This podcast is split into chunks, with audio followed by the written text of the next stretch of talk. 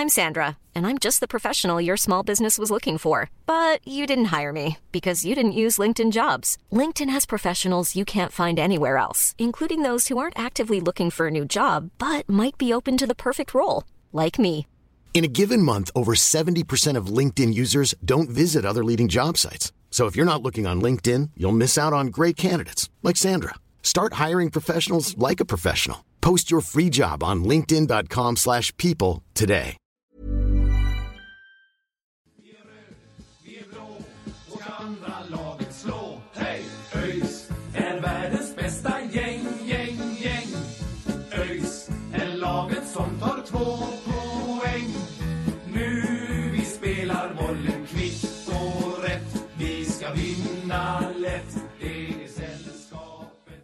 Då hälsar vi välkomna till en eh, liten säsongssummering. Eh, vad, som, eh, vad som kan bli årets sista avsnitt av eh, Öjsnack med Sören och Mackan. Vi får väl se om det kommer någon, någon intervju här lagom till, eh, till jul. Men eh, det är hög tid att summera detta ÖIS-år och detta superettan-år som ju har varit Eh, bortsett från att vi inte gick upp så har det ju varit eh, förträffligt att, att följa.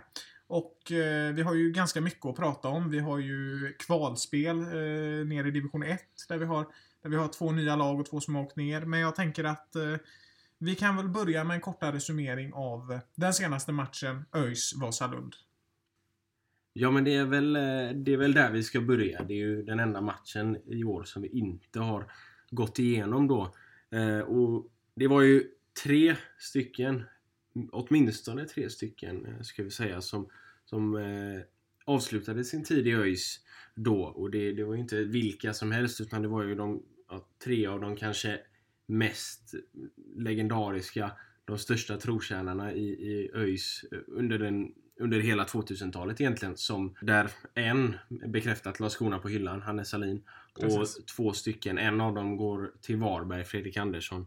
Som vi var inne lite på i förra, förra avsnittet där. Och den tredje, Ailton, han, eh, han får inte förlängt kontrakt. Vi vet inte riktigt vad han kommer att spela. Jag har mina misstankar om att han kommer flytta tillbaka till Brasilien. Men jag vet inte. Det är spekulationer från min sida.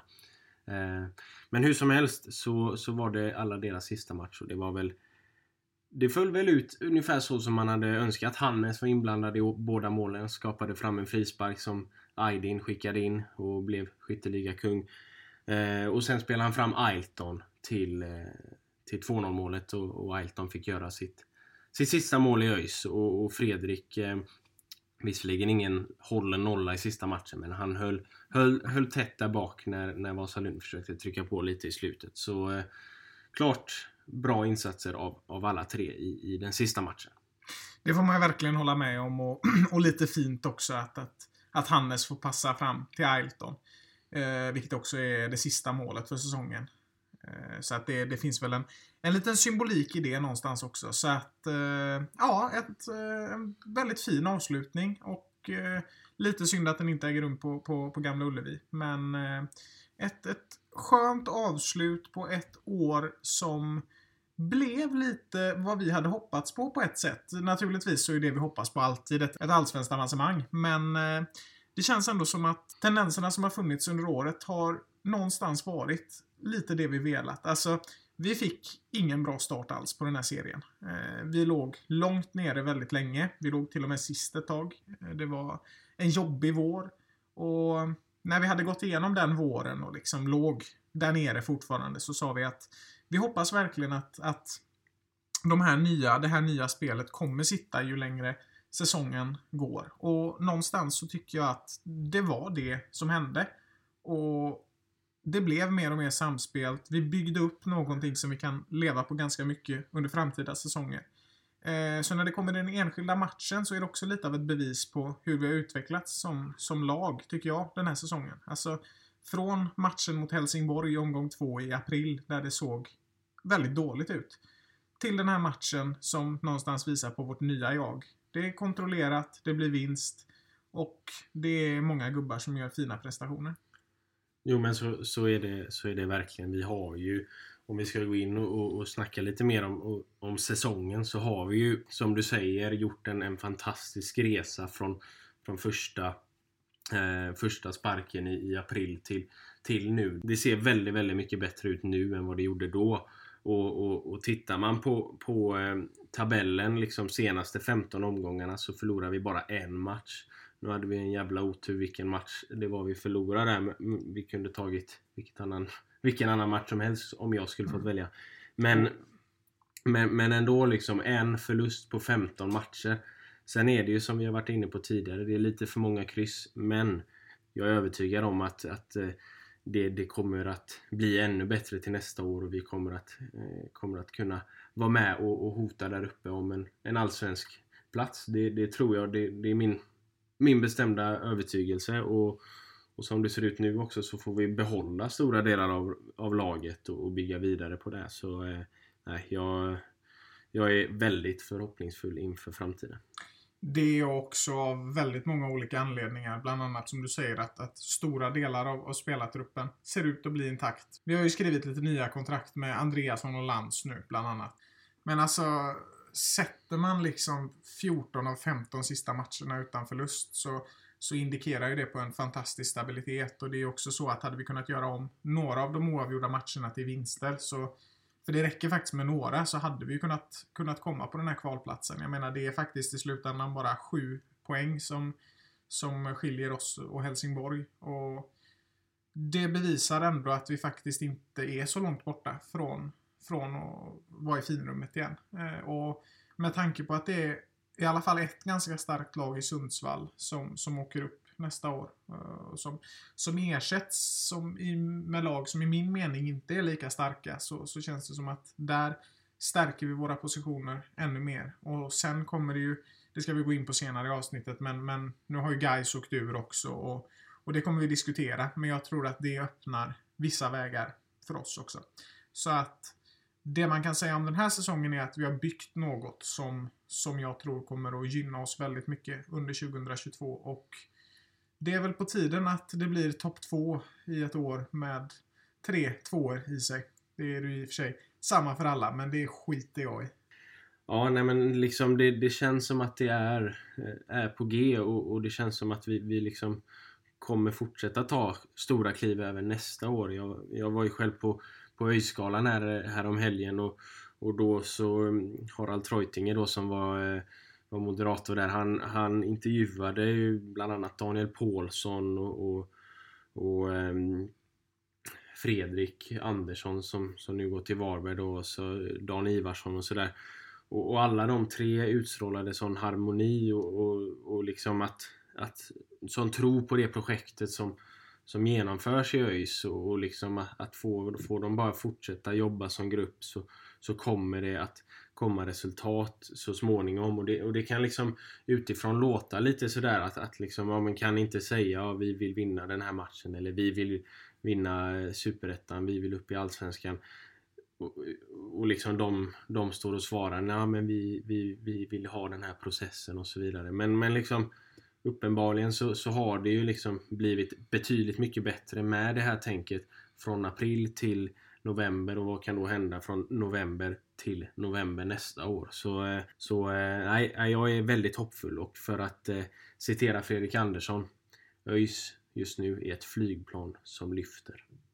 Ja, det är en lite, lite fin metafor. Men jag håller ju med dig om det här lugnet. Alltså det, det är ju något man har egentligen... Det var något vi redan såg i april att det fanns någon slags tilltro eh, från spelarna. Även liksom efter förlusten mot Helsingborg när vi snackade med Sangré så var det liksom det fanns det där hela tiden, även när vi snackar med Asolaj och när vi har snackat med spelare längre in på säsongen. Alltså, det är klart att spelare kan säga att ja, men det går bra och det är fantastiskt i laget. Men jag tycker att man har känt att de här grabbarna har menat det. Och ju längre säsongen har gått, tror jag, ju större har, har tilliten till, till det här nya bara blivit starkare. Och det känns som att det är en viktig grundsten till nästa år också. För att jag menar, den här tron måste ju finnas naturligtvis. Alltså det, det, det är liksom egentligen det viktigaste av allting.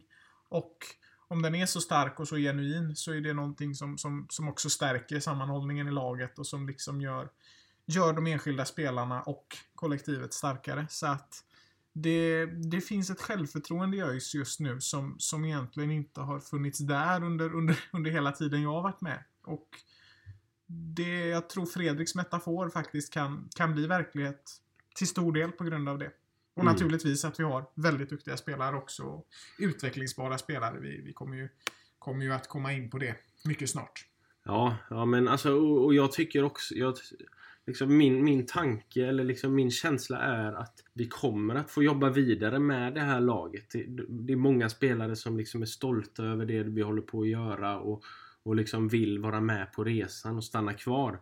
Det är väl liksom den enda som jag spontant kan tänka mig är liksom kanske på väg bort. Det skulle vara Aydin då som, Ja. som har intresse från, från stora allsvenska klubbar och det, det är liksom naturligt med, med den säsongen som han gör. Eh, Men, men i övrigt så känns det som att liksom alla eh, egentligen i hela laget är väldigt inställda på att vara med på den här resan med ÖIS. Och det, det känns, känns tryggt att, att liksom veta att spelare vill stanna. Nu ser vi också an, både Anton Lantz och eh, Andreasson båda förlänger.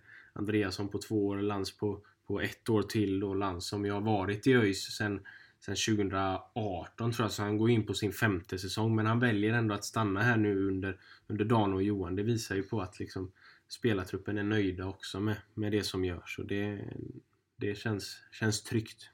Väldigt spännande att Andreasson stannar på det sättet att han har ju inte fått så mycket speltid under hösten. Nu kom det lite här sista matcherna, men, men att han ändå har ett sånt, ett sånt förtroende för tränaren att han, att han väljer att vara kvar trots att speltiden ibland uteblir på det sättet som vi kanske, som vi kanske vill. Så, så det är ju fascinerande och det säger väl också en hel del om att folk eh, inte kräver att spela varenda match liksom för ÖIS för att, för att vara kvar i föreningen. Nu hoppas jag att Anton får göra det för jag tycker det är en otroligt värdefull spelare. Det, det har vi varit inne på i varje avsnitt. Men, men det, det är spännande och otroligt bra. Och eh, som du säger med Lantz också, alltså, det visar ju att, att han har varit här så länge nu och, och vill vara kvar ännu mer. Det visar ju att, att ÖIS är en förening man vill stanna i. Liksom. Vi har ju, har ju ett par gubbar som har varit med ett, ett par år nu. Nu har vi ju till exempel då Ayrton och Fredrik som är, och Hannes naturligtvis som är ÖIS veteraner som lämnar. Men, men vi har ju kvar till exempel Lantz och Paulsson med flera. Ja, Paulsson är ju uppe på över 200 matcher för ÖIS. Ja, han är, är... han eh, närmar sig den här ÖIS-ringen som Hannes fick. Han får väl ta emot den av Hannes om ett par år. Om vi, Ja, just det. om vi, eh, det får vi hoppas på. Ja, men det får vi göra. Då kommer vi sitta med ÖIS-flaggan i högsta hugg på Gamla Ullevi.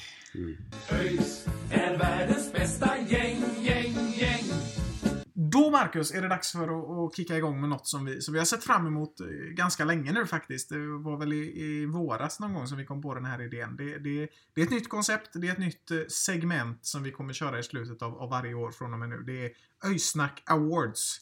Och det här blir ju, blir ju första, första gången i eh, ÖISnacks eh, ganska korta men, men eh, intressanta historia som vi, som vi delar ut dessa utmärkelser. Det är helt enkelt våra priser till, till spelarna. Eh, priserna består av eh, äran eh, och eh, ja, jag vet inte, vi får la skicka ett, Ja, eh, eventuellt en inbjudning till podden. Ja, ja det...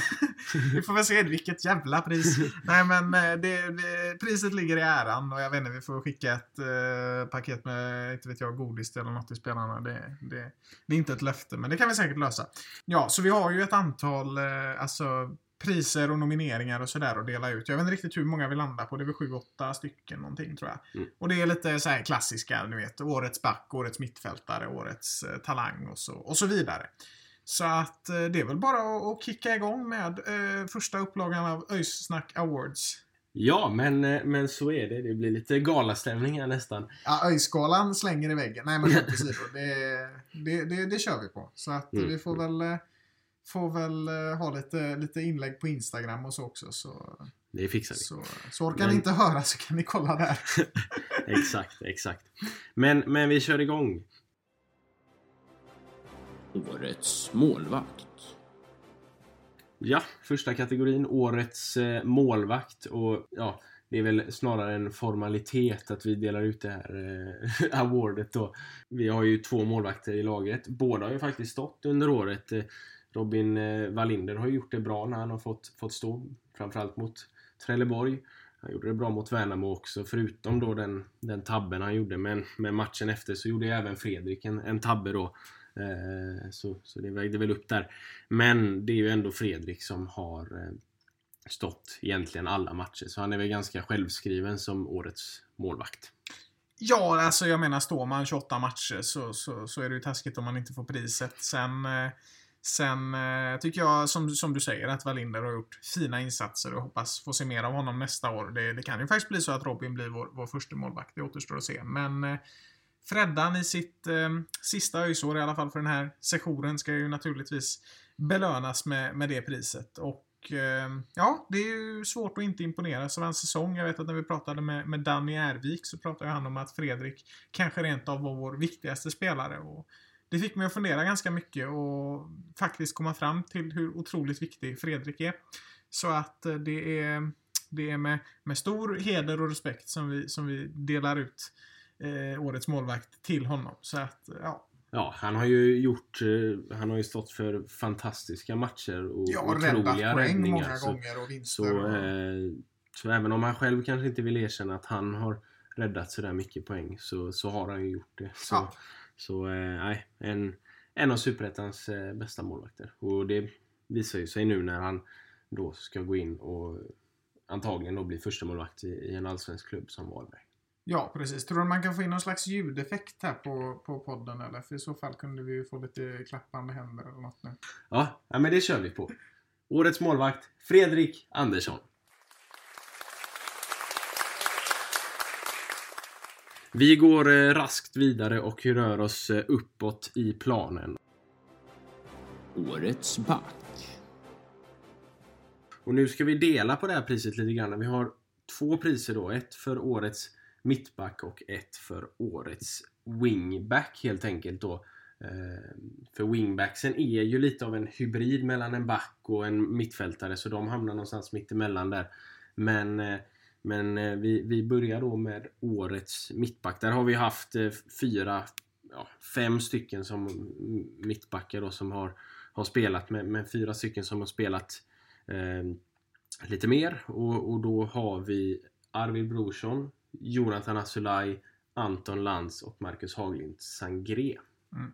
Vi ska komma ihåg det också nu när vi går in på de här lite, alltså målvakt är vi väldigt överens om, men vi ska säga att Alltså jag har min eh, nominering, eller vad vi ska säga, min fortsatta nominering och du har din. Och så ska vi försöka diskutera oss fram till vem som, vem som får den. Det kan vi förtydliga lite så här mitt i. Men eh, när det kommer till årets back, vem, eh, eller årets mittback naturligtvis. Vem, vem väljer du att nominera? Jag väljer att nominera Marcus Haglind Sangré. Det gör jag också. Så att eh, vi har inte så mycket att diskutera där. Men vi kan väl konstatera att, att Marcus Haglind Sangré har haft en, ett fantastiskt första år i ÖIS. Där han har varit ett eh, väldigt, väldigt stabilt alternativ att ha som mittback. Gjort väldigt många bra rensningar, väldigt många bra täckningar. Eh, Ja, han har varit, Mm. jag skulle säga att han har varit i princip felfri. Han har, ja, han har inte slått bort många passningar, han har inte missat, han har missat någon, det, det gör man ju på en hel säsong. Ja, sådär, ja, någon tackling, sådär, någon rensning. Men han, han har framförallt också räddat oss i många viktiga situationer. Jag tänker framförallt på, på ett, ett friläge där eh, första, första derbyt. När han Mm. drar en, en, eh, en rush över hela planen och, och, och, och vinner tillbaka bollen. Det, är- det, ett av årets ögonblick får vi nästan säga Ja, när det kommer ja, till ÖIS. ja. Man satte ju hjärtat i halsgropen. han, men- han, är ju, han är ju också den enda i laget och, och en av fem, sex stycken i hela Superettan som har spelat samtliga minuter. Och det, det säger ju sitt. Bara, alltså, bara det är ju en... Alltså, bara att spela så, så mycket som, som, som allting liksom, det är ju, det är ju fantastiskt. Alltså, det, det är få spelare som klarar den belastningen och det säger väl en del om hans, hans fysik också. Så att... Eh, Ja, vi, får väl, vi får väl hylla eh, Ja, Kim. Nilsson där som Ja. brukar eh, följa oss på, på Instagram. Eh, han, eh, han är ju fystränare eller ja, någon extra PT där åt eh, Sangré och även eh, Robin tror jag också. Ja, jag Så- tror det. Så shoutout till honom. Men det är Marcus som vi ska prata om nu och då menar jag inte dig, då menar jag Sangré. Ehm, som du säger, stabil säsong, fantastisk säsong, inga, miss, inga misstag. Precis det som man vill ha av en eh, mittback. Precis så. Och jag, vill även, jag skulle även vilja eh, lämna ut eh, en guldstjärna också till Jonathan Asulaj Ja. som, som bredvid Sangré har, har också varit väldigt, väldigt stabil över, över hela säsongen. Mm. Eh, Jo, men jag håller med dig. Ja. Alltså en riktig, en riktig tuffing där bak. Som, Precis. som inte är rädd att, att dela ut några, några saftiga tacklingar. Men som väldigt, väldigt sällan går för långt. Han ligger väldigt fint på den här gränsen. Där man är tuff, men inte för tuff. Och det, det har han behärskat fantastiskt bra. Ja, och när till skillnad ändå- från Hannes då. Ja, ja Hannes, Hannes är ett kapitel för sig eh, som, vi, som vi beundrar när det kommer till det. Men vi ska också rikta lite beröm till Anton Lantz och Arvid Brorsson för, för fina insatser i rödblått. Vi hoppas att vi får se dem alla fyra nästa år och det vågar vi väl eh, tro på också. Mm. Och även Robin Glavak som har spelat Ja. några minuter nu på Han slutet. fick ju, och det, det kan vara en spännande spelare i sin utveckling nästa år. Så årets back, Marcus Haglind Sangré.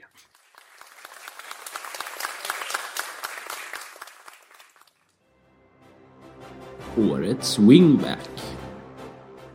Då går vi vidare och eh, då är det wingbacks alltså som vi, vi snackar och där har vi egentligen tre stycken och de har vi ju pratat om mycket tidigare. Det är tre stycken, eh, det är ganska hög konkurrens på, om de två platserna som wingbacks och då har vi ju Hampus Dahlqvist, Elias Gustafsson och Anton Andreasson.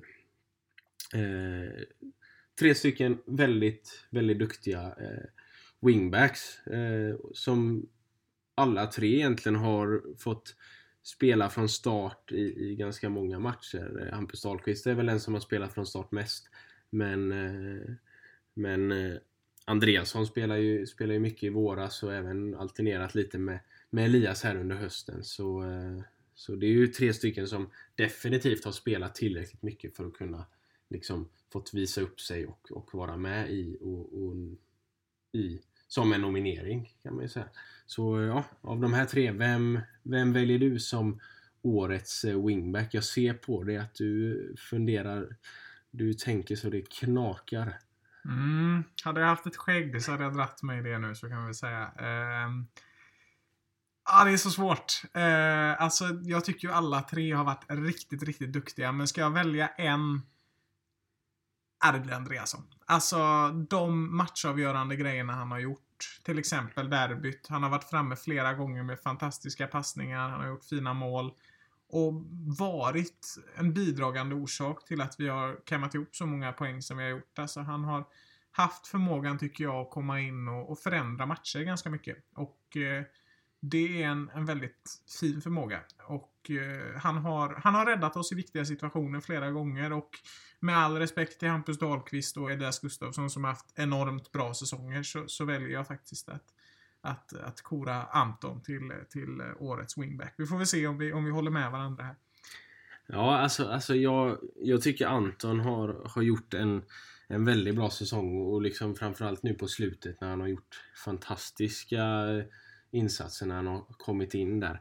Men, men jag skulle ändå vilja säga att, att Hampus Dahlqvist har, alltså han har gjort en säsong där han har startat i princip varenda match och, gjort stabila insatser sett över hela säsongen och även pangat in en två, tre mål och, och ett par assist och sådär. Så, så, ehm, och liksom vuxit för varje match som har gått. Så, så jag tycker att, att Hampus Dahlqvist med den liksom, med det i, i bakhuvudet att han har spelat spelat liksom från start egentligen varje match eh, mer eller mindre så så, eh, så tycker jag att Hampus Dahlqvist är, är årets wingback. Men Anton Andreasson har ju stått för en del ruskigt viktiga avgöranden. Mm. Och det, det kommer man inte ifrån. Men Mm. jag, sett över hela säsongen så tycker jag att Hampus Dahlqvist har imponerat lite mer på mig. Ja, jag tycker det, det, det är ju ett faktum också, Hampus Dahlqvist, som, som alltså den utvecklingen har ju varit så himla rolig att följa. Så att man vill ju ge honom priset bara för hans fantastiska utveckling. Precis som att man vill ge Elias priset också för hur han eh, kom in så fint i slutet, eller i mitten av säsongen och gjorde så bra matcher. Men, men som, som du säger, alltså Hampus är fantastiskt bra också. Men jag, har- jag har faktiskt ett förslag här. Alltså, vi har ju en Instagram och vi har ju följare. Så jag tänker att om jag säger Anton och du säger eh, Hampus. Så tänker jag att eh, vi låter dem rösta om det här. Eh, och så får, får helt enkelt våra följare kora årets wingback. Mm. Och vi kan väl faktiskt lägga in Elias som ett alternativ också eftersom att han... Alltså, han har ju inte varit sämre än de andra liksom. Så att... Ska vi, ska vi göra så att vi startar en omröstning där man kan rösta på alla tre och så får, får de hjälpa oss att bestämma som följer vår Instagram. Ja, men det, det, det gör vi absolut. Absolut. Årets mittfältare. Då går vi vidare eh, till eh, kategorin Årets mittfältare. Och här är det ju lite, lite klurigt då vilka som räknas som mittfältare och inte. Men jag har ju ändå tagit fram tre stycken nominerade här. Och eh, då till mittfältare får man ändå räkna Daniel Paulsson vill jag säga. Eh, så han är en av dem. Sen får vi räkna med Anel Raskai som, som en mittfältare helt klart. Och sist men inte minst då eh, Erik Nolgren får man ju ta med som de, de tre som jag vill eh, nominera då i alla fall. Du kanske tycker Browning, vad vet jag. Men, eh, men det är de Ja. tre som jag tycker är med i, i, i den absoluta toppen. Som har gjort det allra bäst i alla fall. Mm. Nej men vi på dem. Alltså jag vet vem jag vill eh, ge priset till så att... eh, Mm. Ja. Ja, Ja, det, nej det är Polle. Mm. Och det antar jag är samma för dig. ja, det Ja. är samma. Paulsson visar ju gamla klasser som han, Ja. eh, så som han har spelat nu är, har han egentligen inte spelat sen efter sin, sin korsband, eller sen innan sin, sin korsbandsskada. Så han är verkligen tillbaka på, på gammal hög nivå och visar verkligen vägen som kapten. Det är en, eh, ja, det är en, det är en riktigt bra kapten vi har i, Daniel Paulsson. Ja men en riktig ledargestalt och en... Och en alltså den som kanske personifierar ÖIS mest av allt. Alltså det, det är ju en, en legend trots att han har stora delar av sin, sin karriär kvar. Och, som du säger, fin säsong. Han har verkligen kommit upp i, i nivå ju längre säsongen har gått på många sätt. Och varit framme och varit stabil. Gjort... Ja, alltså egentligen aldrig gjort någon riktigt dålig match liksom. Utan det har varit, det har varit stabil leverans. Man har vetat vad man har fått och man har många gånger imponerats av det man har fått se. Man har aldrig blivit, blivit besviken. Han har, han har övertygat Paulsson. Ja, men som du säger, han gör alltid, alltid bra insatser och han har även stått för en, eh, nu vet jag inte exakt hur många det är, men en 5-6 mål sådär och, och, och det, det, det är liksom, han, har- han har bidragit väldigt mycket i, till, till laget. Så jag, jag, är, jag är nöjd med hans säsong och ja, årets mittfältare är alltså Daniel Paulsson. Det är jävligt torra applåder de får här. Ja, Alltså. men vi, vi lägger in en. Ja. Det får vi hoppas. Annars hade det varit jävligt torrt liksom. Årets mittfältare, Daniel Paulsson. Det är lite så här liksom, så här, det är lite som att du fyller år liksom och så kommer någon in på rummet så Grattis Marcus. Det är liksom inte så jävla charmigt alltså. Årets anfallare. Då går vi vidare till eh, det priset som kanske är det mest självklara priset, eh, bortsett från årets målvakt då. Eh, men det är årets anfallare. Vi, jag vill ju egentligen nominera två stycken här, om, om man nu behöver nomineringar. Men det är ju Aydin Selkovic och Ailton då. Jag vet inte om vi ska nominera någon mer. Det skulle väl vara om man räknar Herman Sjögrell som, Ja, eh, faktiskt, som en alltså. forward då. Ehm, som, som den tredje gubben där. Eh, men det är väl de tre då, om, om, om vi tar med Herman där. Ja. Och eh, ja, svaret är väl helt, helt eh, självklart egentligen. Gör man, gör man 18 mål och vinner skytteligan då, då ska man ha årets anfallare. Så, så jag kan väl tala för oss båda när jag säger grattis Aydin Selkovic. Ja, ja men så är det. Ja, nej men alltså det går ju inte att bortse från vilken fantastisk säsong han har haft Aydin. Alltså, det har varit leverans på leverans på leverans. Det var lite knackigt i början, men när matchen mot Västerås ägde rum och det buades lite, då klev han fram och han tog aldrig ett steg tillbaka. Det är en, en ÖIS-säsong jag kommer att, att minnas länge faktiskt. Alltså, vi sa ju det när han kom att det här är en ny gubbe från Lindom, men det kan gå lite hur som helst. Men har vi tur, han kanske kan göra 10 mål. Men att han skulle göra 18, nej, det, det trodde inte jag. Och med all respekt till att jag visste att det var en bra spelare, men, men vilken explosionsartad utveckling. Ja, ja, ja, verkligen. Och jag tycker liksom nu på hösten här så har han verkligen steppat upp när han har fått den här lite mer friare rollen och då har han börjat leverera. Liksom, det var ju ett tag där han gjorde två mål i varenda match. Så nej, det, det är eh, en fantastiskt värdefull tillgång och, och han vinner ju också Årets anfallare och Årets MVP i hela Superettan när Discovery summerar säsongen. Så eh, nej, Aydin Selkovic liksom utan tvekan Årets anfallare. Ja, nej det finns ju inget att snacka om där. Eh, beundransvärd säsong och kanske egentligen den bästa ÖIS-säsongen sedan Gurra 2018 där någonstans. Ja, eller Diego 2018 då. Ja, det är sant faktiskt. Diego var väldigt vass det året. Men, eh, men det, det är liksom en eh, säsong det kommer att pratas om länge. Och det, det, det, det visar ju sig genom att han också har nu eh, väckt intresse från, från Allsvenskan. Så Ja, vi får väl se om, om han är kvar i, i, i januari när, när försäsongen drar igång. Men, vi, vi, men vi, vi håller ju våra tummar och tår för det. Ja, det hoppas vi verkligen. Och sen får vi se. Alltså, gör man en sån säsong så kanske man inte kan räkna som, som superettan-klubb men får behålla den typen av spelare. Men eh, vi hoppas och det hade varit en riktig dröm att få se mer Aydin i ÖIS. Årets under 20. Då går vi över till eh, Öjsnacks talangpris. Och eh, det här väljer vi att ge till, till spelare som är, som är i föreningen just nu. Och, eh, och det är ju spelare som är under 20 när säsongen är slut. Och eh, de eh, som vi har nominerat är ju Aidarus Abukar, William Svensson och Robin Glavak. Det...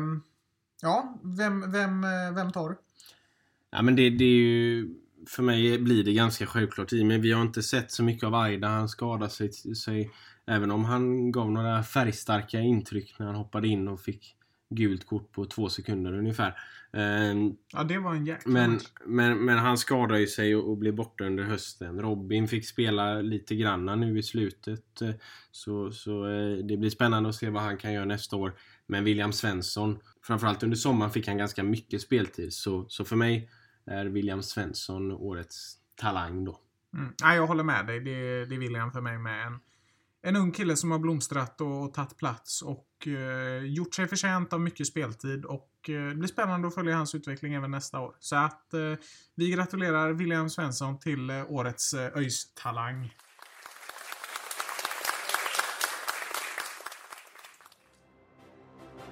Årets mål.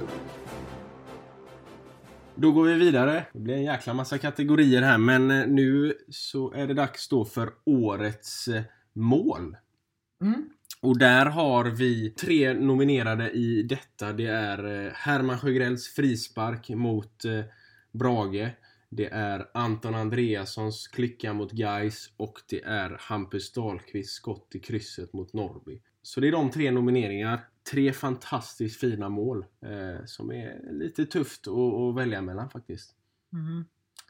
Ja, jag, alltså, rent symboliskt så väljer jag ju eh, Andreassons mål mot Geis. Men om vi, om vi bortser från det rent symboliska och verkligen tar vad som är årets mål, då tycker jag att Hermans frisparksmål är det absolut bästa. Och det är det som, som någonstans sticker ut och det är ett mål som, som man verkligen minns när man ser tillbaka. Det gör man ju med de andra också, men, men nej, jag tycker Hermans frisparksmål sticker ut.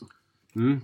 Jag, jag, jag tycker faktiskt att Andreasson, för, för liksom om, man, om man ska ta hela liksom inramningen, hela betydelsen av det målet och liksom digniteten på det målets betydelse så, ehm, så är det faktiskt eh, det bästa målet och det är riktigt, riktigt snyggt också. Det är ett, skott från långt håll som går rakt in eh, i målet som Mattias Karlsson inte har en chans att ta. Ehm, Så eh, nej, jag tycker eh, Anton Andreasson. Sen, sen ska man ju absolut inte ta ifrån Herman vilket, vilket fantastiskt frisparksmål det är. Jag minns vi, vi, vi satt här ute i din, eh, i din soffa här och vi bara häpnades alltså. Och, och även Dalas mål borta mot Norrby där när vi var på plats. Det var, det var också helt, helt otroligt alltså. Men nej, jag, med tanke på, på betydelsen av Andreassons mål så, så är det han som, som får får min röst där. Ja, men ska vi räkna in symboliken så, så, så är jag också villig att, att, att ge det priset till Anton och det, det, det är ett fantastiskt mål. Men, men jag tycker ändå vi måste återkomma till, till Hermans mål någonstans och Dalas mål. Alltså, du och jag är ju såna jävla huliganer egentligen. Alltså, blir det mål så sitter vi och vrålar. Men jag minns ju Hermans mål ganska tydligt. Alltså, det blev mål och vi bara satt där helt hypnotiserad av det här målet. Alltså det var verkligen det var som att, att tiden stannade för att det var så jävla snyggt. Eh, men, men som du säger, alltså rent symboliskt så är ju Andreasson det målet som någonstans har det viktigaste. Och det, det är ju i derbyt och det är det som avgör. Så att, så att det är klart, alltså det, det, det är en, en doja av guld. Det är tre dojor av guld, men det, det, det är en som ger oss tre poäng mot Gais också. Det väger jävligt tungt. Så att, eh, ja, så är det. Årets mål, Anton Andreasson.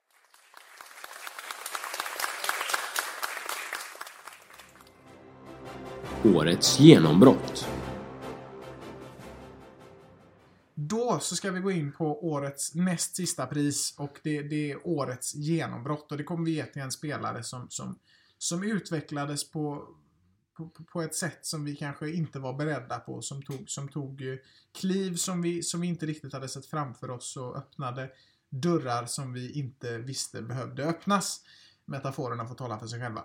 Eh, och de nominerade i det här priset, det är Erik Nordgren, Hampus Dahlqvist och Elias Gustafsson. Eh, tre spelare som har, som har gjort avtryck som vi kanske inte var de vi hade snackat upp mest i år, men som ändå har kommit att bli oerhört betydelsefulla. Och, och, och framförallt också spelare som, som inte har visat sig egentligen någonting på den här nivån innan. Många av de andra i laget har ju spelat på superettanivå eller gjort det väldigt, väldigt bra på och liksom stuckit ut på, på division 1-nivå och sådär. Så, så eh, ja, det, är, det är liksom tre spelare som, som inte liksom har gjort så mycket väsen av sig i, i divisioner tidigare. Även om Elias Gustafsson har varit ordinarie en säsong i, i Jönköping så har det liksom inte varit sådär De har inte varit sådär jätteuppskrivna innan. Och, så det, det är ändå tre spelare som, som går in och gör ett fantastiskt jobb som vi inte förväntar oss. nej. Men, men om vi går in då på, på vilka vi har valt så, eh, så tänkte jag Sören, vem har du valt? Alltså jag kan ju säga så här. Elias Gustafsson kom in på ett fantastiskt sätt i laget. Imponerade jättemycket. Kändes ganska given från första gången han kom in och har liksom gett oss ett nytt wingback-alternativ som är jättevärdefullt. Erik Nolgren kom in. Vi trodde inte ens att vi skulle få honom i år, men han kom in och dikterade villkoren på mittfältet i flera matcher. I, i liksom, innan, innan derbyt egentligen så visste vi inte ens att, att han fanns. Och sen så kom han in och gjorde det så jäkla bra. Så han är ju någonstans hjälten som vi inte visste att vi behövde. Så fantastisk säsong av Nordgren. Men Hampus Dahlqvist. Jag tror att mina tidigare ord i podden liksom fyller ut för allt jag behöver säga nu, men Alltså sättet han har tagit plats, sättet han har sprungit på, målen han har gjort, assisten han har slagit. Från en kille som aldrig har spelat i Superettan innan. Han är en av våra mest betydelsefulla spelare och har haft en, en utveckling som är, som är så bra att jag, jag det, för mig så är han den stora utvecklingen och den stora kometen och det ska bli så... Alltså det är nästan det jag ser fram emot allra mest när det kommer till enskilda spelare. Och få se om, om han kan fortsätta på den här fantastiska resan som han har, som han har börjat i år. Så för mig är det inget tvivel och det kan inte få mig att ändra mig. Hampus Dahlqvist. Med all respekt till andra nominerade som har haft fantastiskt fina säsonger så, så, så, så har han tagit ett enormt kliv. Men med det sagt så tror jag att vi kommer få se Nolgren och Elias Gustafsson bli ännu lite bättre nästa år och lite betydelsefullare. Även om de redan idag är väldigt bra och väldigt betydelsefulla. Ja, men jag, jag är beredd att hålla med dig helt där. Du, eh, du satte ord på, på det. Eh, det. Det liksom... Jag vet inte riktigt vad jag ska tillägga mer utan det, det är inget snack om saken att, eh, att Hampus Dahlqvist är eh, årets genombrott på det sättet som han, han gör säsongen och, och med de förväntningarna vi hade inför. Man kan snacka om Aydin och han har inte liksom spelat riktigt på den här nivån tidigare sådär men, men man hade ändå någonstans förväntningar för han hade gjort, det väldigt, gjort väldigt, väldigt många mål i, i division 1 och så. Nu ska vi väl erkänna att vi, vi hade inte jättebra koll på vad, vad Dahlqvist har gjort i ettan men, men han har liksom inte stuckit ut och, och liksom skapat rubriker i ettan men, men i år så har han verkligen tagit det här steget och, och, och lyckats på, på en superettanivå. Och ehm, ja, Hands down, hands down.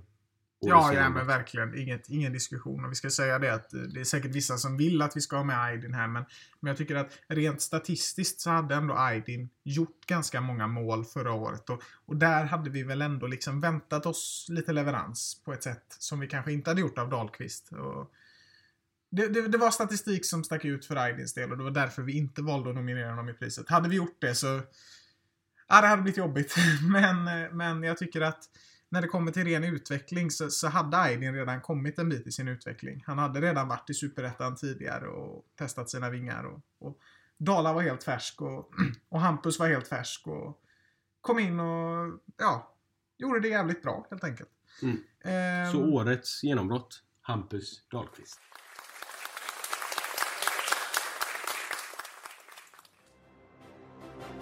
Årets spelare.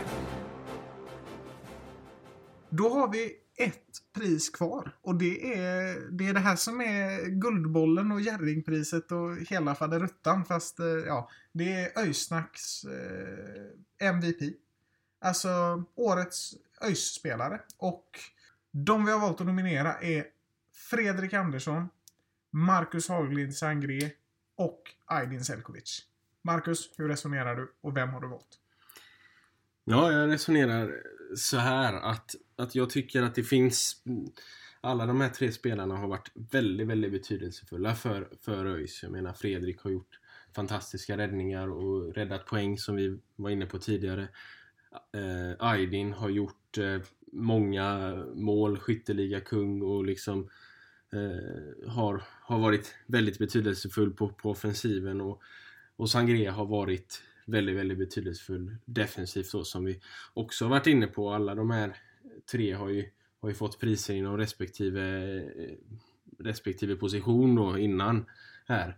Men jag tycker att det finns en spelare som sticker ut lite när det kommer till att göra riktigt, riktigt bra och riktigt, riktigt stabila insatser sett över hela säsongen utan att egentligen göra några större misstag. Och, och liksom göra liksom genomgående bra insatser från första matchen till sista matchen utan egentligen några svackor i sina prestationer. Och där, jag tror inte att du kommer hålla med mig här, men jag ser bara en spelare som årets spelare i ÖIS det är Marcus Hagen Sangré. Jag håller med dig om vartenda ord du säger. Eh, du summerade bra. Eh, Sangré ska ha all cred. Men eh, gör man 18 mål, vinner skytteligan, lockar de allra största klubbarna i Sverige att värva en. Då för mig är det helt självklart att man ska ha det med all respekt till Sangres otroligt bra säsong, till Freddans otroligt bra säsong. Det, det är Aydin för min del. Och du kommer inte få mig att ändra mig. Eh, men samtidigt så förstår jag helt och hållet ditt resonemang. Alltså, 30 bra matcher bakåt, det väger egentligen lika tungt som 18 mål framåt. Så det är en jävligt svår fråga. Och det, det, det är ju väldigt normalt att man delar ut eh, pris till målskytten här. Men någonstans så tycker jag ändå att Aydin har haft förmågan att vända matcherna och ge oss tre poäng, ge oss en poäng. Sätta oss, ta oss från jobbiga underlägen till, till att vinna. Alltså det är han som har, någonstans han som har, som har gett det här hoppet som har tagit oss dit vi är idag. Så att jag säger Aydin och med all respekt till Marcus Haglind Sangre. Ska vi göra så att eh, du ändrar dig eller ska vi göra så att vi låter eh, tittarna, eller lyssnarna i det här fallet, rösta om det? Nej, vi, vi, vi kommer få låta tittarna rösta om det för, eh, för jag eh, jag kommer inte att ändra mig för jag tycker att eh, Hagelin visst liksom det är Aydin som har stått för målen och det är Aydin som står för de liksom stora rubrikerna och det, det blir ju sällan så att man som mittback blir den som, som liksom får det här liksom i rampljuset, kommer i rampljuset på det sättet. Men mm, liksom kollar man liksom över mm, hela säsongen och Marcus Hagelin Sangrés prestationer så tycker jag att han är den som står för bäst prestationer genomgående över hela säsongen. Eh, jämnast prestationer, bäst prestationer eh, rakt igenom utan att egentligen göra några liksom sämre matcher. Det är klart att AFC borta och, och sådär, det är ingen bra match från, från någon i laget. Men, men liksom han, han gör det han ska och han gör lite till egentligen. han, han är med i, forceringen så är han med uppe och, och försöker nicka in en boll och kommer ganska nära på att göra ett mål liksom och, och sådär. Och han, han styr där bak, han tar löpningar över hela planen och liksom han är, han är överallt och han, han räddar. Liksom Fredrik räddar många poäng som blir ganska uppenbart eftersom att han räddar bra skott så räddar Haglin Sangré många, många frilägen och, och, och många, många målchanser. Så, eh, Ja, men alltså det, det är ju lätt, som vi sa innan, att att komma i skymundan som back. För det är ju ofta så att du gör de här räddningarna lite i skuggan. Fredriks räddningar och Aydins mål, de blir väldigt uppenbara. Sangrés insatser kanske inte alltid syns på samma sätt, även om de är minst lika nödvändiga. Så att, eh, ja. Det, vi, vi, det är upp till omröstning och vi kastar väl in Freddan också. Så, eh, för han, alltså, han förtjänar liksom inte, inte mindre på något sätt. Så att, eh, in med er och rösta. Öysnack på Instagram med, med O för man får inte ha Ö, men det, det, det går säkert att hitta. Då eh, tror jag vi gör så att vi eh, lämnar Öysnack Awards och eh, ni får väl helt enkelt kika in på Instagram när det kommer till, eh, till de eh, priserna som vi inte riktigt kunde bestämma oss om. ÖIS är världens Ja, då går vi helt enkelt över till att kolla på, på tabelläget i stort och diskutera igenom lag för lag lite snabbt. Vi kommer börja på 16 plats och röra oss uppåt. För, för ovanlighetens skull så kanske vi inte ska prata allt för mycket om oss själva. Utan det blir en liten summering, någon minut på, på varje dag. ja, vi pratade ju ganska mycket om oss i Ja, jag början tänker det också. så Alltså, det finns inte så mycket mer att säga. Ehm, men vi börjar väl nerifrån helt enkelt och, och kör igång. Ehm, på 16 plats eh, har vi ett lag som, som egentligen varken du eller jag trodde skulle, skulle hamna så långt ner. Falkenbergs FF. Eh, en eh, rejäl genomklappning.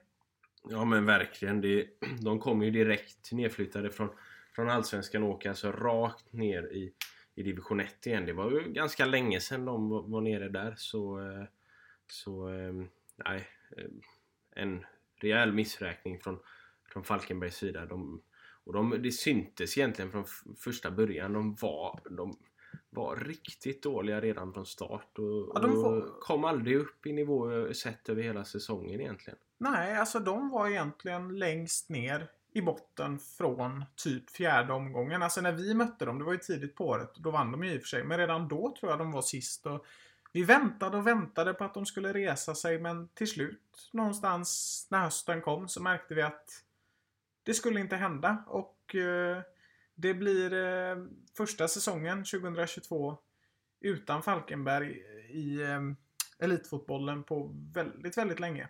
Eh, Så att eh, stort nederlag för dem och vi får väl, får väl se hur deras eh, ja, framgångsmässiga rehabilitering eh, utvecklar sig. Men eh, vi önskar dem all lycka till i eh, division 1 södra, denna fantastiska fotbollsliga. Och eh, ja, säger väl eh, på återseende om det vill sig väl. På 15 plats, en av nykomlingarna som vi var väldigt spända på inför eh, det här året och som vi trodde kanske kunde sticka upp lite. Eh, det hände aldrig. Lite samma känsla som för Falkenberg. De var aldrig riktigt med. Vasalunds IF. En förening som det kanske inte har stormat om på något sätt. Men det har varit lite tränarbyten och det har liksom inte... Det har inte riktigt funkat med någonting för Vasalund har det känts som. Och det, det, det har inte funnits den där stabiliteten som gjorde att man vann division 1 norra på ett övertygande sätt 2020. Nej, men, men, men så är det och, och ja, vi, vi båda trodde ju ändå lite grann på Vasalund att det skulle bli ett nytt Akropolis men, men de, de lyckades aldrig få, få snurr på det där trots att de eh, värvade och, och liksom hade ändå namnkunniga namn i, i, i laget eh, och, och sådär men eh, Ja, nej, det, drog, det, det kom de in väldigt många profiler där i början av året. Eh, mm. Och det, det, det gjorde ju att spänningen kring laget steg. Men, men, men som du säger, det tog sig aldrig riktigt. Och man tappade ju Maj Traore där under, under säsongen bland annat. Så att, så att avbräcken blev liksom större än, än nyförvärven någonstans. Så Vasalund är väl en förening som Ja, de har bara gjort två säsonger i Superettan. Senast var 2009, så man kanske inte väntar sig att de tar klivet upp direkt. Men, men det händer ju ibland, så att vi får väl helt enkelt se hur de går i division 1 norra nästa år. Eh, de slipper ju möta Brommapojkarna som har åkt upp i alla fall, så det gör väl serien lite, och Lite mer öppen på det sättet. Ja, precis. Och ja, det kommer vi väl till när vi summerar kvallagens år. Eh, Och Det kommer vi väl till nu då. Ja, det gör vi på en gång. Och på 14 plats i serien, numera inte ett lag i Superettan, Guys. Och det är ju en av det här är ju en av de sakerna som, som, som, som vi måste prata ut om, Marcus. Alltså för att Guys är inte ett lag i Superettan längre. Nej, det det är total eh, kalabalik där på alltså, den andra sidan av den berömda motorvägen. Men eh, nej, alltså de, de lyckades inte få ihop det. De började ju säsongen eh, ruskigt bra. Hade väl, låg väl i, i topp efter en 5-6 Ja. omgångar sådär. Serieledning alltså. Eh, och Stefan Jakobsson fick eh, liksom och, månadens tränare och sådär ett par gånger nästan liksom. Sådär. Men sen så fall de pladask och det de var ju länge med i, liksom i, i striden där men när det var mm, ett par omgångar kvar så, så var det klart att de skulle få, få kvala mot Dalkurd och eh, ja, det gick inte vägen eh, i kvalet och, och Gais spelar alltså division 1-fotboll för första gången på, ja det är nog ännu längre än Falkenberg. Ja, definitivt. Alltså jag, jag vet inte när det var sist. Det behöver vi nog en Google för att komma fram till. Men i alla fall kanske 30 år. Jag vet, jag vet inte, det var fruktansvärt länge sedan. Men, jag menar, alltså bara att vi sitter där och snackar om att det var det här året som, som, som Gais inledde så förtroendeingivande. Det känns ju som, som, som flera år sedan. Jag blir nästan lite förvånad nu när jag kommer på att det var i år. Alltså, det visar också hur mycket som kan hända på ett fotbollsår. Att man, man aldrig ska ta ut något i förskott. Nu menar jag inte att Gais har gjort det, men, men det är ju helt otroligt alltså. Ehm, Mm. Ja men... Ja, Eller men det- otroligt, otroligt är det väl inte, men det, det, alltså, vi såg ju någonstans inte det här komma. Vi har alltid skojat om Gais att i år åker de ner och nu blir vi kvar men inte de och ha ha ha. Men nu har det faktiskt hänt och jag tror att det har liksom skapat någon slags masschock bland alla ösar. Och, och man har ju sett det i rapporteringsgrupper och liknande att det liksom har varit så här lite hata guys alltid, men nu när de åker ner då har det blivit lite så här, och det förstår jag också, det blir lite delade meningar. Vissa säger att det är positivt och den, den skaran ställer vi om mig lite till. Och andra säger att det är väldigt negativt med tanke på derbyintäkter och sådär. Men alltså, när guys åker ner, då går fler Göteborgsspelare till oss eftersom att fler hellre spelar i Superettan än division 1. Det ger också möjlighet till sponsorer och andra grejer. Så att när det kommer till Gais nedflyttning så tror jag att det i alla fall på kort sikt blir positivt för ÖIS. Ja men det tror jag också som du säger. Alltså, att guys åker ner, det, det gör oss till en attraktivare klubb i Göteborgs eh, fotbollen som du säger. Och, och, det, jag, och, och sponsorer och sådär. Men jag är också inne på, på att det gör det rent sportsligt bättre, ett, ett bättre utgångsläge till, till nästa år. Nu, nu vet man ju aldrig hur det kommer gå mot Dalkurd. Men, men liksom guys är, guys är alltid två matcher som är oerhört tuffa och det spelar ingen roll om, om vi har varit liksom helt klockrena hela säsongen och de har varit klappkassa. Liksom det kommer ändå vara två, två matcher som är helt ovissa och som blir av en helt annan karaktär. Så, som liksom där man aldrig egentligen kan räkna med någon poäng överhuvudtaget.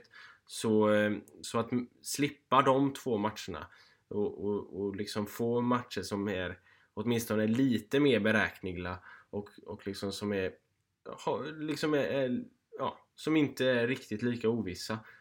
Det, det tror jag är, är, är en fördel också med, med att eh, Gais åker ur då. Förutom också då att det är ju kul att kunna reta Gaisarna lite. Ja, det är det. Och samtidigt så någonstans man kommer sakna derbyn också. Sen, sen håller jag helt med din poäng där om att det, det, det, det blir två enklare matcher. Men, men det känns någonstans lite så här, ja det blir inget originalderby nästa år. Och även om jag sitter i varje avsnitt och säger att nu åker guys ner, ha ha ha. Så, ja, jag vet inte, det är lite mixade känslor. Men eh, det bevisar ju bara att vi är bättre. Så det, det är så vi får se det.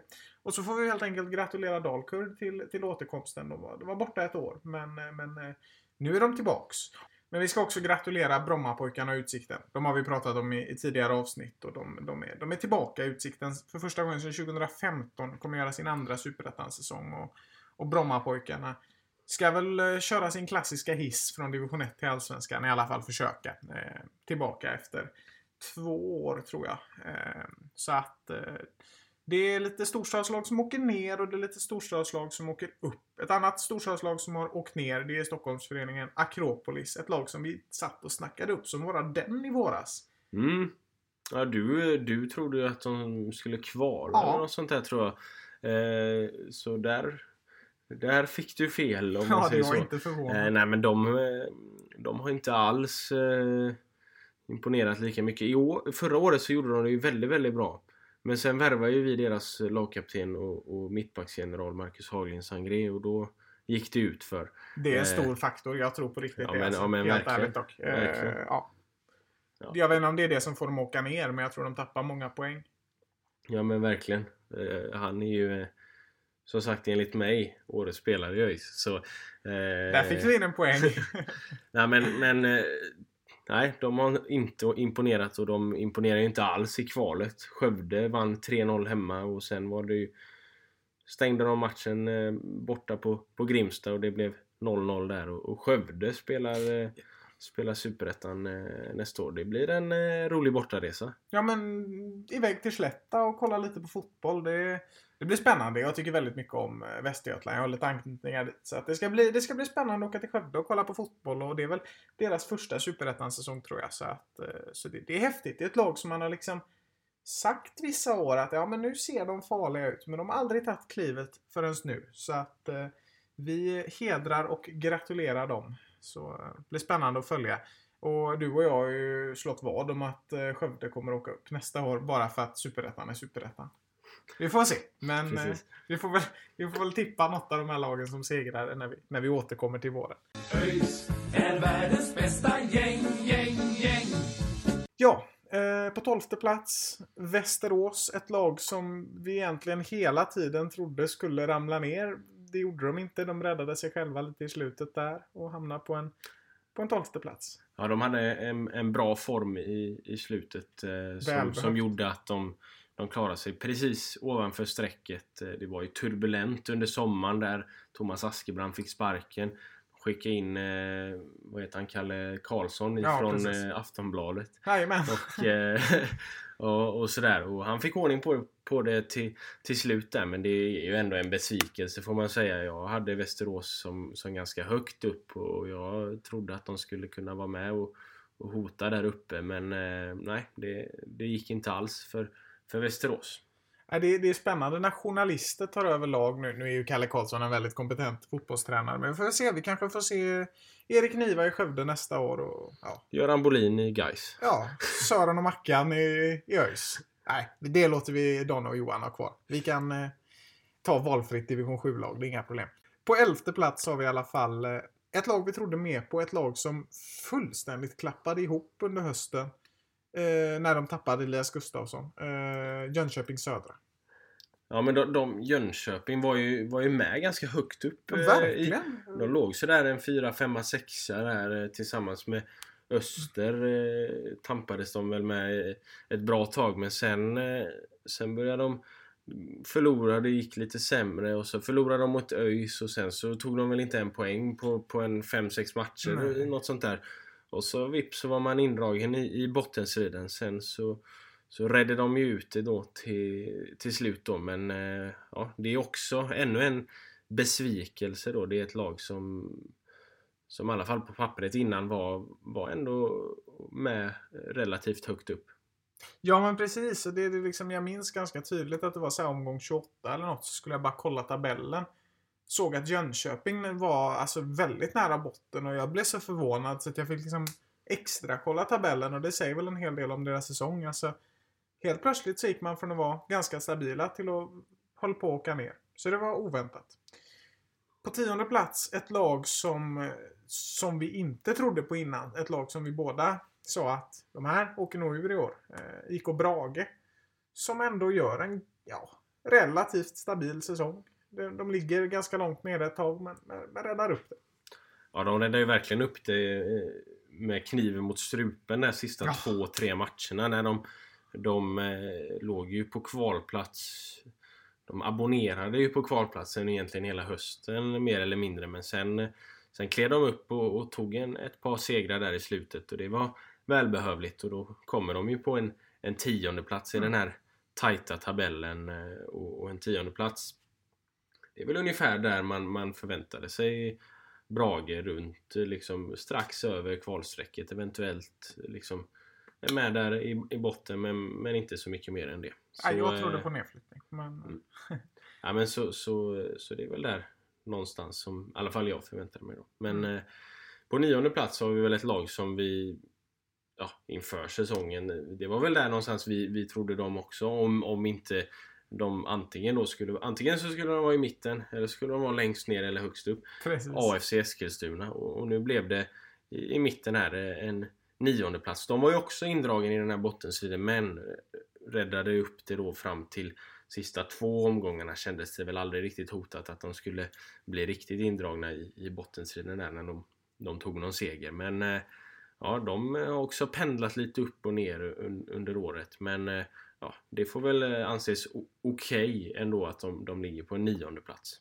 Ja, detta, detta folkkära lag. Uh, nej, men alltså det... det ja, alltså det, det känns som att det var aldrig riktigt spännande när det kom till AFC Eskilstuna. Uh, alltså, de var ganska så stabila hela tiden. De var aldrig riktigt långt nere. Som du säger, de var inblandade i den här kvalstriden. Men, men det var nästan alla. Uh, Eskilstuna var alltid några poäng ifrån hela tiden. Så att de, de höll liksom ganska stabilt ändå. Men, men årets superettan-händelse, det får man ju ändå säga, är när den här eh, ryssen, som jag inte kommer ihåg namnet på, coachade AFC Eskilstuna i 30 minuter.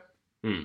Det är, en, eh, ja, det, är, det är nästan årets tränarbedrift. Alltså, det är inte många som har coachat ett fotbollslag. Eller ja, det är många som har coachat ett eh, fotbollslag i 30 minuter. Men det är inte så många som har, som har lagt av efter det. Så årets superettan-story får ju, får ju nästan gå till Eskilstunas ryske tränare. ÖIS är världens bästa gäng, gäng, gäng. Sen har vi oss själva då på, på åttonde plats och det, det behöver vi väl inte säga så mycket om. Vi har ju summerat vår säsong eh, innan. Det får väl anses OK med tanke på den bedrövliga starten men, men som sagt eh, 14 eh, oavgjorda matcher är några för mycket för att inte kunna vara med högre upp. Vi är ju till slut bara 7 poäng från, från den allsvenska kvalplatsen så, så det är ju inte så långt och, och med några fler segrar nästa år så, så kan vi vara där uppe och, och förhoppningsvis ta steget tillbaka till fotbollens finrum. Mm. Och på sjunde plats hittar vi ett lag som vi, som vi trodde mycket på inför det här, eh, det här året. Och som vi trodde kanske till och med skulle åka upp.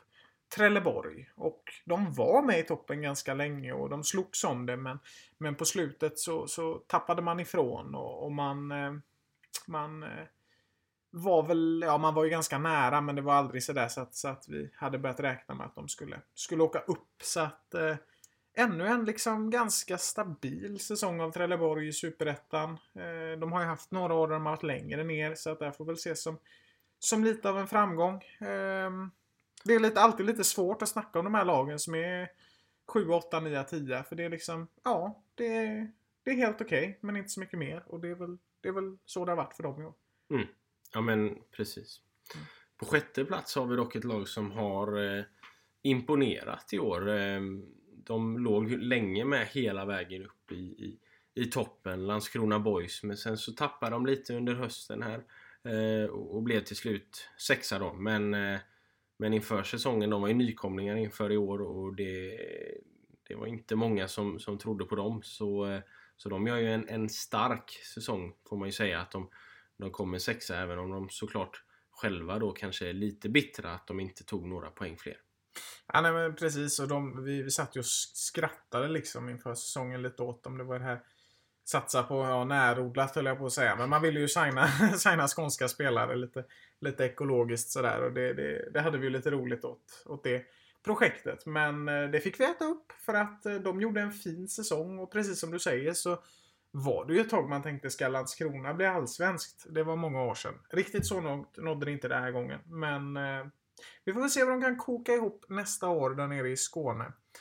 På femte plats ett lag som alltid känns som att de är på femte plats oavsett om det är vinter eller vår eller höst eller ja, valfri årstid. Alltså eh, valfritt år. Östers IF, de är femma. Skönt att något är som vanligt under coronaåren. Ja men, men precis Öster som, som ändå har gjort en, en stabil eh, säsong i år. Och, och framförallt defensivt. De är det laget som släpper in minst mål. 26 mål på, på 30 matcher. Så, så med den defensiven så har de gjort det väldigt bra. Sen så har de gjort ganska lite mål framåt också då. Men, eh, men eh, kan de förbättra det till nästa år så, så kan det gå, gå bättre. Men eh, ja, det, det känns ju som, som att Öster, ganska likt Trelleborg, är ett lag som liksom försöker ta det här steget. Även ÖIS då. Liksom försöker ta det här steget men har legat liksom så här 4, 5, 6, 7 i, i flera år i, i rad. Då. Trelleborg har väl varit lite längre ner och, och ÖIS också. Men, men framförallt Öster har ju, har ju varit där uppe flera år i rad. Men det känns som att det krävs någonting mer för att de ska ta det här steget upp och vara på, på en allsvensk Eh, plats. Men, eh, men ja, en, en helt, helt okej okay säsong. ÖIS är världens bästa gäng, gäng, gäng. Sen har vi, sen har vi ett lag som eh, imponerar i år. Eh, när vi mötte dem borta på, på Brås Arena, Norrby alltså, eh, i, ja, det var väl slutet på augusti nästan, åtminstone i början på augusti. Då, eh, då ledde de serien. Eh, sen, så, sen så blev det ju lite olyckligt där i, i slutet. Helsingborg fick en tveksamt dömd straff i sista matchen som, som snuvade Norrby på, på den allsvenska kvalplatsen. Men eh, ja, det, är ju, det är ju bara att, eh, att applådera Norrby till en, en, en fantastisk säsong. De har ju legat i, i Superettan många år men de har ju legat ganska långt ner och liksom snarare fightas kring negativt kvalstreck. Eh, men nu är de och fightas kring positivt eh, kvalstreck. Så, så all heder till Norby och all heder till deras tränare McLean för ett fantastiskt jobb med, med Norby. Ja, verkligen. Alltså det, det, det är en, en total renovering. Han har tagit ett, ett, ett, lag som man kanske aldrig riktigt tror på till att bli ett, ett topplag i ligan och som har varit Eh, fantastiskt kul att följa. Det, eh, Värnamo för många är årets skräll. För mig är det lite Norrby. För vi hade så totalt dömt ut dem innan den här säsongen började. Alltså, Värnamo och Landskrona pratade vi ändå att det kunde finnas en uppflyttningseffekt och så vidare. Även om vi absolut inte trodde de skulle åka upp. Norrby var vi helt säkra på att de skulle bli stensist. Och de är faktiskt Ja, de är ju bara några mål eh, när det kommer till målskillnad från att faktiskt till och med få kvala till Allsvenskan. Så att det är ju det är den största bedriften i deras historia. Och jag vill också rikta en ursäkt faktiskt till Norrbys alla två supportrar. Jag kallade dem Superettans blindtarm när vi mötte dem eh, senast. Och eh, jag kan nog ändå ta och erkänna att det var ofint. Ni hamnade på en fin placering. Eh, och eh, ja, mm. ni är inte Superettans blindtarm bara för att ni inte har några fans. Så Nej. grattis! På tredje plats, laget vi trodde skulle... Ja, ett av lagen vi trodde skulle vinna serien. Det var väl två stycken egentligen som vi, som vi trodde mycket på. Eh, Helsingborgs IF, kanske en av, ja, tillsammans med oss, Superettans mest anrika förening. Kommer ju trea, får kvala. 15 av 16 Superettan-lag för 2022 är klara. Eh, det 16 det ska ju avgöras.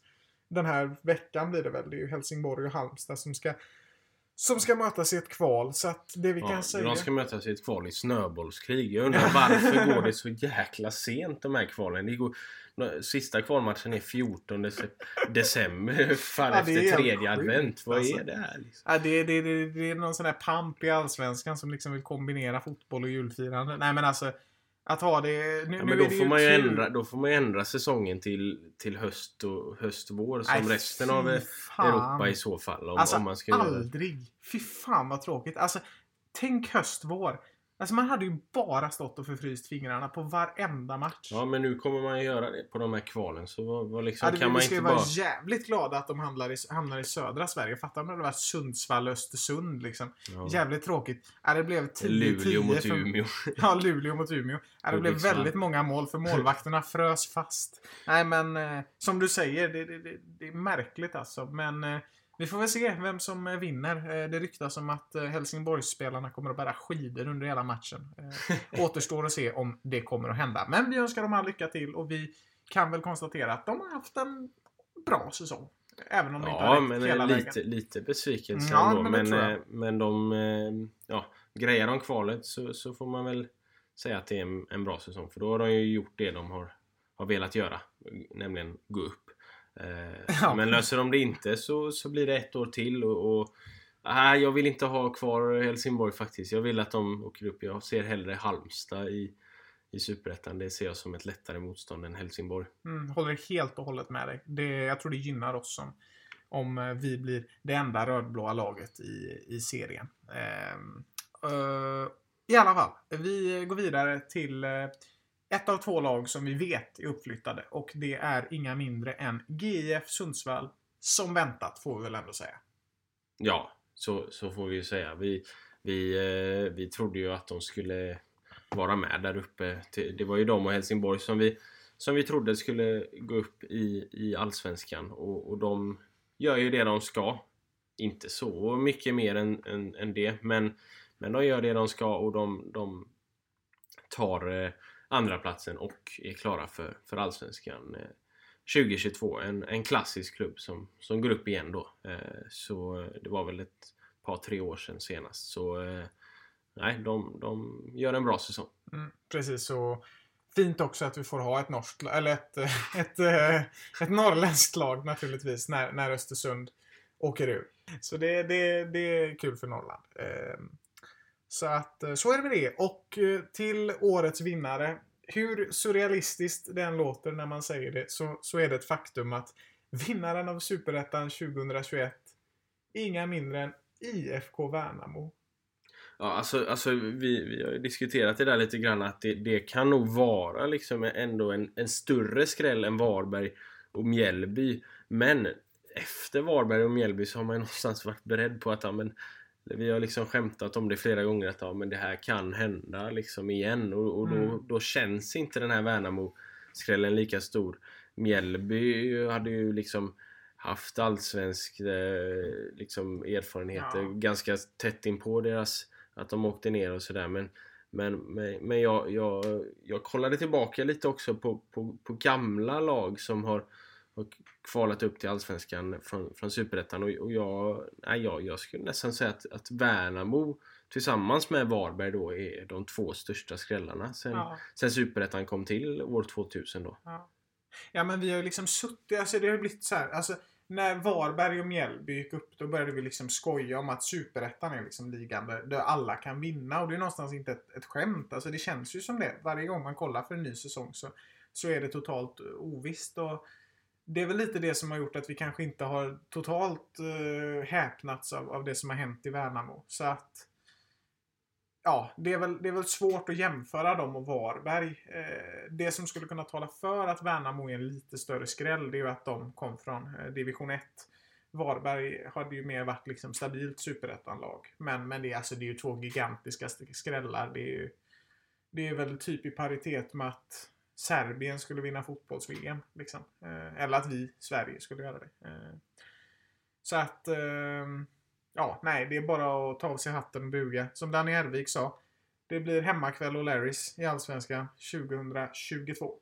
Och eh, det känns lite surrealistiskt när man säger också att Varberg, Mjällby och Värnamo är allihop är allsvenska klubbar nästa år.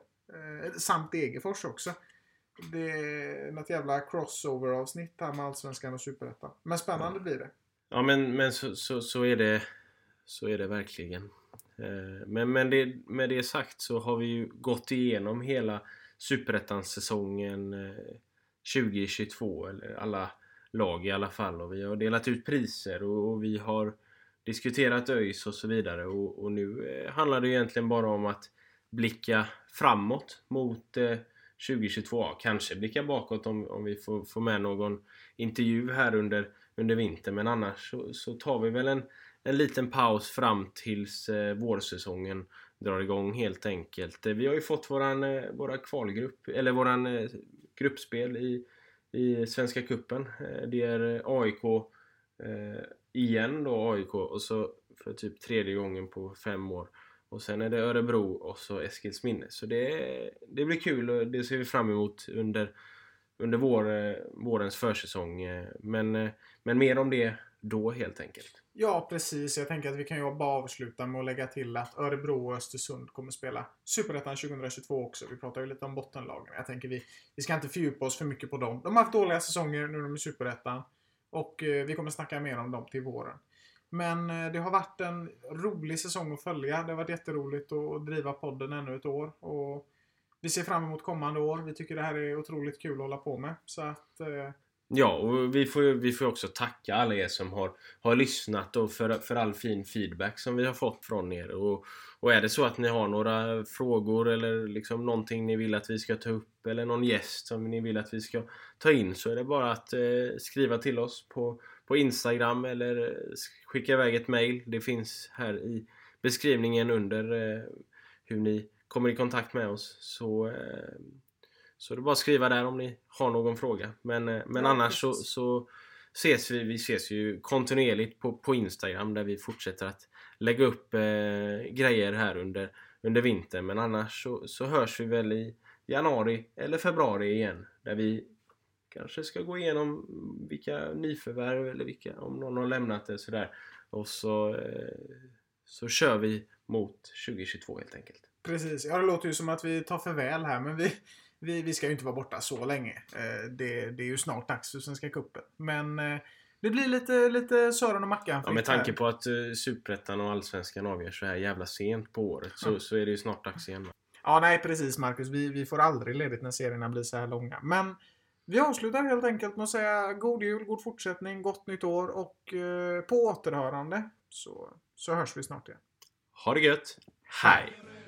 Vi är blå och ska andra laget slå. Hej! ÖIS är världens bästa gäng, gäng, gäng.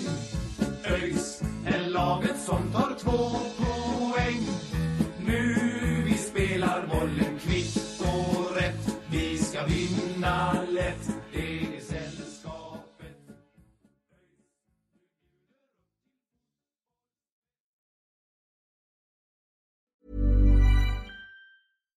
Hi, I'm Daniel, founder of Pretty Litter. Cats and cat owners deserve better than any old fashioned litter. That's why I teamed up with scientists and veterinarians to create Pretty Litter. Its innovative crystal formula has superior odor control and weighs up to 80% less than clay litter.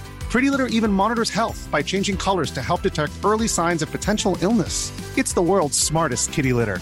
Go to prettylitter.com and use code ACAST for 20% off your first order and a free cat toy. Terms and conditions apply. See site for details.